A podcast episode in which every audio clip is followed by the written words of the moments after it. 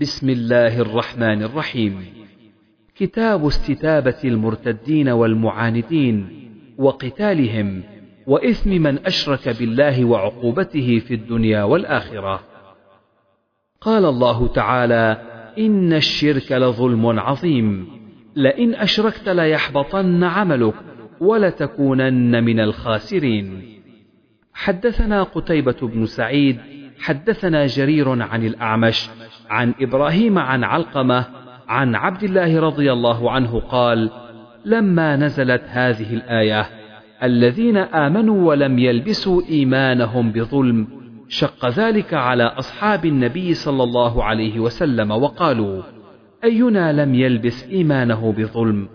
فقال رسول الله صلى الله عليه وسلم إنه ليس بذاك ألا تسمعون إلى قول لقمان إن الشرك لظلم عظيم. حدثنا مسدد حدثنا بشر بن المفضل حدثنا الجريري وحدثني قيس بن حفص حدثنا إسماعيل بن إبراهيم أخبرنا سعيد الجريري حدثنا عبد الرحمن بن أبي بكرة عن أبيه رضي الله عنه قال قال النبي صلى الله عليه وسلم أكبر الكبائر الإشراك بالله. وعقوق الوالدين وشهادة الزور وشهادة الزور ثلاثة أو قول الزور فما زال يكررها حتى قلنا ليته سكت.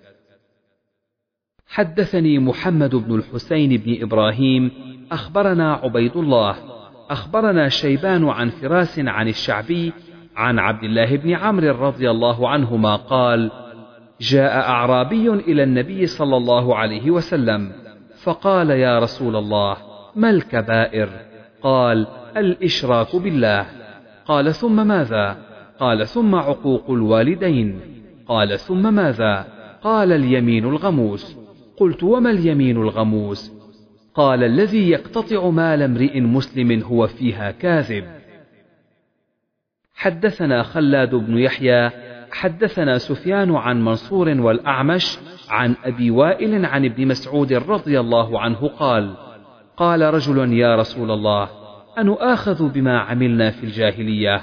قال من أحسن في الإسلام لم يؤاخذ بما عمل في الجاهلية ومن أساء في الإسلام أخذ بالأول والآخر. باب حكم المرتد والمرتدة. وقال ابن عمر والزهري وإبراهيم تقتل المرتدة واستتابتهم. وقال الله تعالى كيف يهدي الله قوما كفروا بعد إيمانهم وشهدوا أن الرسول حق وجاءهم البينات والله لا يهدي القوم الظالمين.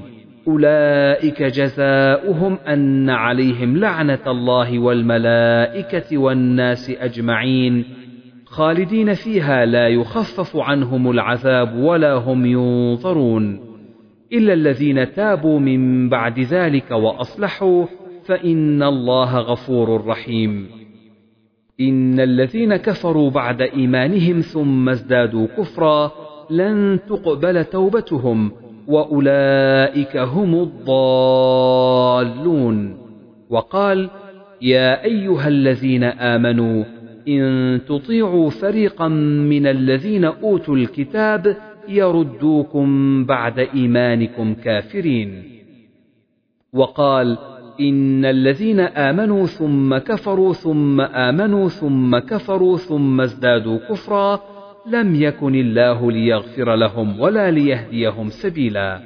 وقال من يرتد منكم عن دينه فسوف يأتي الله بقوم يحبهم ويحبونه أذلة على المؤمنين أعزة على الكافرين. ولكن من شرح بالكفر صدرا فعليهم غضب من الله ولهم عذاب عظيم. ذلك بأنه مستحب الحياة الدنيا على الآخرة وأن الله لا يهدي القوم الكافرين. أولئك الذين طبع الله على قلوبهم وسمعهم وأبصارهم وأولئك هم الغافلون. لا جرم يقول حقا أنهم في الآخرة هم الخاسرون. إلى قوله ثم إن ربك من بعدها لغفور رحيم. ولا يزالون يقاتلونكم حتى يردوكم عن دينكم إن استطاعوا. ومن يرتدد منكم عن دينه فيمت وهو كافر فأولئك حبطت أعمالهم في الدنيا والآخرة وأولئك أصحاب النار هم فيها خالدون. حدثنا أبو النعمان محمد بن الفضل حدثنا حماد بن زيد عن أيوب عن عكرمة قال أتي علي رضي الله عنه بزنادقة فأحرقهم فبلغ ذلك ابن عباس فقال لو كنت أنا لم أحرقهم لنهي رسول الله صلى الله عليه وسلم ولقتلتهم لقول رسول الله صلى الله عليه وسلم من بدل دينه فاقتلوه. حدثنا مسدد حدثنا يحيى عن قرة بن خالد حدثني حميد بن هلال حدثنا أبو بردة عن أبي موسى قال أقبلت إلى النبي صلى الله عليه وسلم ومعي رجلان من الأشعريين أحدهما عن يميني والآخر عن يساري ورسول الله صلى الله عليه وسلم يستاك فكلاهما سأل فقال يا أبا موسى أو يا عبد الله بن قيس قال قلت والذي بعثك بالحق ما أطلعاني على ما في أنفسهما وما شعرت أنهما يطلبان العمل فكأني أنظر إلى سواكه تحت شفته قلصت فقال لن أو لا نستعمل على عملنا من أراده ولكن اذهب أنت يا أبا موسى أو يا عبد الله بن قيس إلى اليمن. ثم اتبعه معاذ بن جبل فلما قدم عليه ألقى إليه وساده قال انزل وإذا رجل عنده موثق قال ما هذا؟ قال كان يهوديا فأسلم ثم تهود. قال اجلس. قال لا أجلس حتى يقتل قضاء الله ورسوله ثلاث مرات فأمر به فقتل. ثم تذاكرنا قيام الليل. فقال أحدهما أما أنا فأقوم وأنام وأرجو في نومتي ما أرجو في قومتي. باب قتل من أبى قبول الفرائض وما نسبوا إلى الردة. حدثنا يحيى بن بكير حدثنا الليث عن عقيل عن ابن شهاب أخبرني عبيد الله بن عبد الله بن عتبة أن أبا هريرة قال لما توفي النبي صلى الله عليه وسلم واستخلف أبو بكر وكفر من كفر من العرب قال عمر يا أبا بكر كيف تقاتل الناس وقد قال رسول الله صلى الله عليه وسلم أمرت أن أقاتل الناس حتى يقولوا لا إله إلا الله فمن قال لا إله إلا الله عصم مني ماله ونفسه إلا بحقه وحسابه على الله. قال أبو بكر والله لأقاتلن من فرق بين الصلاة والزكاة فإن الزكاة حق المال. والله لو منعوني عناقا كانوا يؤدونها إلى رسول الله صلى الله عليه وسلم لقاتلتهم على منعها. قال عمر فوالله ما هو إلا أن رأيت أن قد شرح الله صدر أبي بكر للقتال فعرفت أنه الحق. باب إذا عرض الذمي وغيره بسب النبي صلى الله عليه وسلم ولم يصرح نحو قوله السام عليك. حدثنا محمد بن مقاتل أبو الحسن أخبرنا عبد الله أخبرنا شعبة عن هشام بن زيد ابن أنس بن مالك قال سمعت أنس بن مالك يقول مر يهودي برسول الله صلى الله عليه وسلم فقال السام عليك.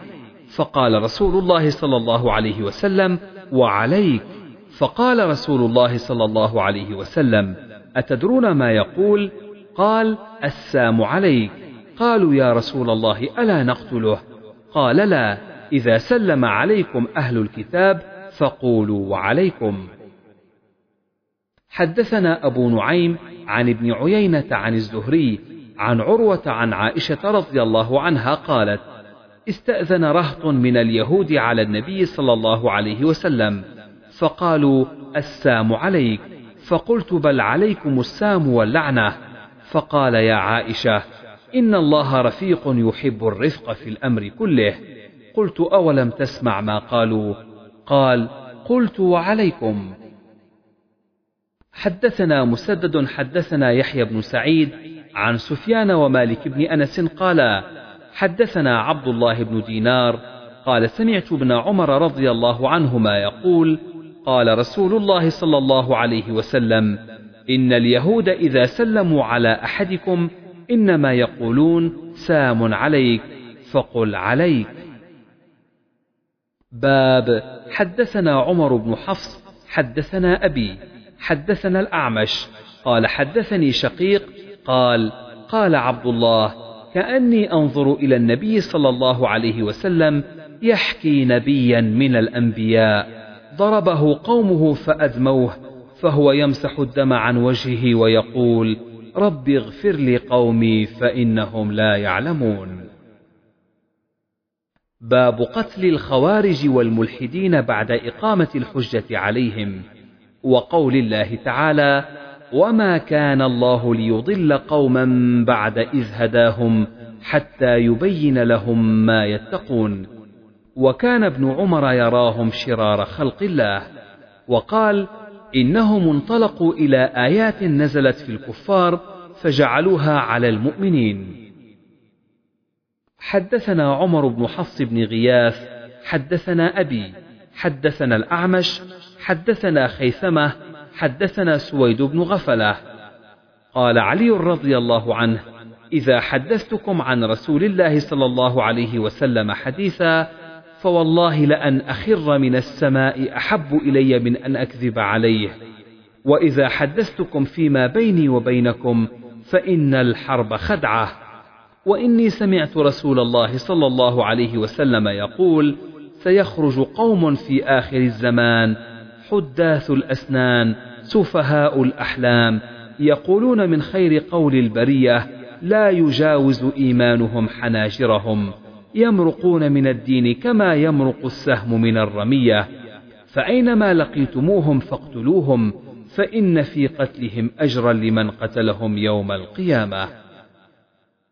حدثنا محمد بن المثنى حدثنا عبد الوهاب قال سمعت يحيى بن سعيد قال أخبرني محمد بن إبراهيم عن أبي سلمة وعطاء بن يسار أنهما أتيا أبا سعيد الخدري فسألاه عن الحرورية أسمعت النبي صلى الله عليه وسلم قال لا أدري ما الحرورية سمعت النبي صلى الله عليه وسلم يقول يخرج في هذه الأمة ولم يقل منها قوم تحقرون صلاتكم مع صلاتهم. يقرؤون القرآن لا يجاوز حلوقهم أو حناجرهم. يمرقون من الدين مروق السهم من الرمية. فينظر الرامي إلى سهمه إلى نصله إلى رصافه فيتمارى في الفوقة هل علق بها من الدم شيء. حدثنا يحيى بن سليمان حدثني ابن وهب قال حدثني عمر أن أباه حدثه عن عبد الله بن عمر وذكر الحرورية فقال قال النبي صلى الله عليه وسلم يمرقون من الإسلام مروق السهم من الرمية. باب من ترك قتال الخوارج للتألف وألا ينفر الناس عنه. حدثنا عبد الله بن محمد حدثنا هشام أخبرنا معمر عن الزهري عن أبي سلمة عن أبي سعيد قال بين النبي صلى الله عليه وسلم يقسم جاء عبد الله بن ذو الخويصرة التميمي فقال اعدل يا رسول الله. فقال ويلك من يعدل إذا لم أعدل؟ قال عمر بن الخطاب دعني أضرب عنقه. قال دعه فإن له أصحابا يحقر أحدكم صلاته مع صلاته وصيامه مع صيامه يمرقون من الدين كما يمرق السهم من الرمية. ينظر في قذذه فلا يوجد فيه شيء. ثم ينظر في نصله فلا يوجد فيه شيء. ثم ينظر في رصافه فلا يوجد فيه شيء. ثم ينظر في نضيه فلا يوجد فيه شيء. قد سبق الفرث والدم. آيتهم رجل إحدى يديه أو قال ثدييه مثل ثدي المرأة أو قال مثل البضعة تدردر. يخرجون على حين فرقة من الناس. قال أبو سعيد أشهد سمعت من النبي صلى الله عليه وسلم وأشهد أن عليا قتلهم وأنا معه. جيء بالرجل على النعت الذي نعته النبي صلى الله عليه وسلم. قال فنزلت فيهم ومنهم من يلمزك في الصدقات. حدثنا موسى بن إسماعيل حدثنا عبد الواحد. حدثنا الشيباني حدثنا يسير بن عمرو قال قلت لسهل بن حنيف هل سمعت النبي صلى الله عليه وسلم يقول في الخوارج شيئا؟ قال سمعته يقول وأهوى بيده قبل العراق. يخرج منه قوم يقرؤون القرآن لا يجاوز تراقيهم. يمرقون من الإسلام مروق السهم من الرمية. باب قول النبي صلى الله عليه وسلم لا تقوم الساعة حتى يقتتل فئتان دعوتهما واحدة. حدثنا علي حدثنا سفيان حدثنا أبو الزناد عن الأعرج عن أبي هريرة رضي الله عنه قال قال رسول الله صلى الله عليه وسلم لا تقوم الساعة حتى تقتتل فئتان دعواهما واحدة. باب ما جاء في المتأولين. قال أبو عبد الله وقال الليث حدثني يونس عن ابن شهاب أخبرني عروة بن الزبير أن المسور بن مخرمة وعبد الرحمن بن عبد القاري أخبراه أنهما سمعاه عمر بن الخطاب يقول سمعت هشام بن حكيم يقرأ سورة الفرقان في حياة رسول الله صلى الله عليه وسلم فاستمعت لقراءته. فإذا هو يقرأها على حروف كثيرة لم يقرئنيها رسول الله صلى الله عليه وسلم كذلك فكدت أساوره في الصلاة فانتظرته حتى سلم ثم لببته بردائه أو بردائي. فقلت من أقرأك هذه السورة؟ قال أقرأنيها رسول الله صلى الله عليه وسلم. قلت له كذبت. فوالله إن رسول الله صلى الله عليه وسلم أقرأني هذه السورة التي سمعتك تقرأها. فانطلقت أقوده إلى رسول الله صلى الله عليه وسلم. فقلت يا رسول الله إني سمعت هذا يقرأ بسورة الفرقان على حروف لم تقرئنيها وأنت أقرأتني سورة الفرقان. فقال رسول الله صلى الله عليه وسلم أرسله يا عمر اقرأ يا هشام. فقرأ عليه القراءة التي سمعته يقرأها. قال رسول الله صلى الله عليه وسلم هكذا أنزلت. ثم قال رسول الله صلى الله عليه وسلم اقرأ يا عمر. فقرأت فقال هكذا أنزلت. ثم قال إن هذا القرآن أنزل على سبعة أحرف فاقرأوا ما تيسر منه. حدثنا إسحاق بن إبراهيم أخبرنا وكيع. حا. حدثنا يحيى حدثنا وكيع عن الأعمش عن إبراهيم عن علقمة عن عبد الله رضي الله عنه قال: لما نزلت هذه الآية: الذين آمنوا ولم يلبسوا إيمانهم بظلم، شق ذلك على أصحاب النبي صلى الله عليه وسلم، وقالوا: أينا لم يظلم نفسه؟ فقال رسول الله صلى الله عليه وسلم ليس كما تظنون إنما هو كما قال لقمان لابنه يا بني لا تشرك بالله إن الشرك لظلم عظيم.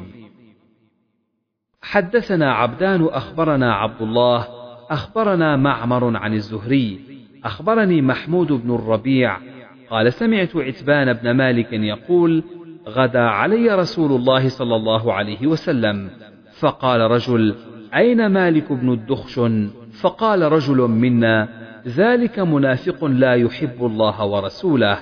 فقال النبي صلى الله عليه وسلم ألا تقولوه؟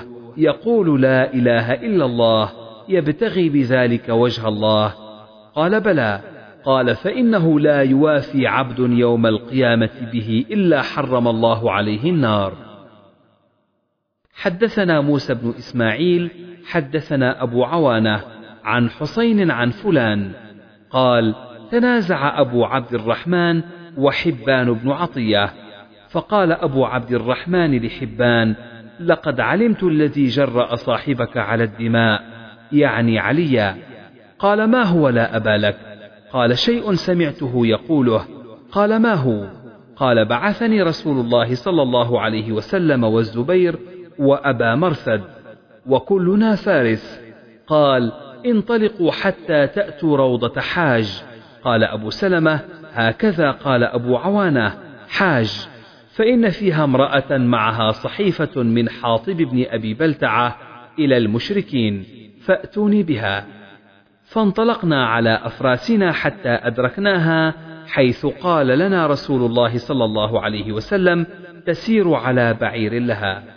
وكان كتب إلى أهل مكة بمسير رسول الله صلى الله عليه وسلم. فقلنا أين الكتاب الذي معك؟ قالت ما معي كتاب. فأنخنا بها بعيرها فابتغينا في رحلها فما وجدنا شيئا. فقال صاحبي ما نرى معها كتابا؟ قال فقلت لقد علمنا ما كذب رسول الله صلى الله عليه وسلم. ثم حلف علي والذي يحلف به. لتخرجن الكتاب أو لأجردنك فأهوت إلى حجزتها وهي محتجزة بكساء فأخرجت الصحيفة فأتوا بها رسول الله صلى الله عليه وسلم. فقال عمر يا رسول الله قد خان الله ورسوله والمؤمنين دعني فأضرب عنقه. فقال رسول الله صلى الله عليه وسلم يا حاطب ما حملك على ما صنعت. قال يا رسول الله ما لي أن لا أكون مؤمنا بالله ورسوله ولكني أردت أن يكون لي عند القوم يد يدفع بها عن أهلي ومالي وليس من أصحابك أحد إلا له هنالك من قومه من يدفع الله به عن أهله وماله. قال صدق لا تقولوا له إلا خيرا. قال فعاد عمر فقال يا رسول الله قد خان الله ورسوله والمؤمنين. دعني فلأضرب عنقه. قال أوليس من أهل بدر؟ وما يدريك؟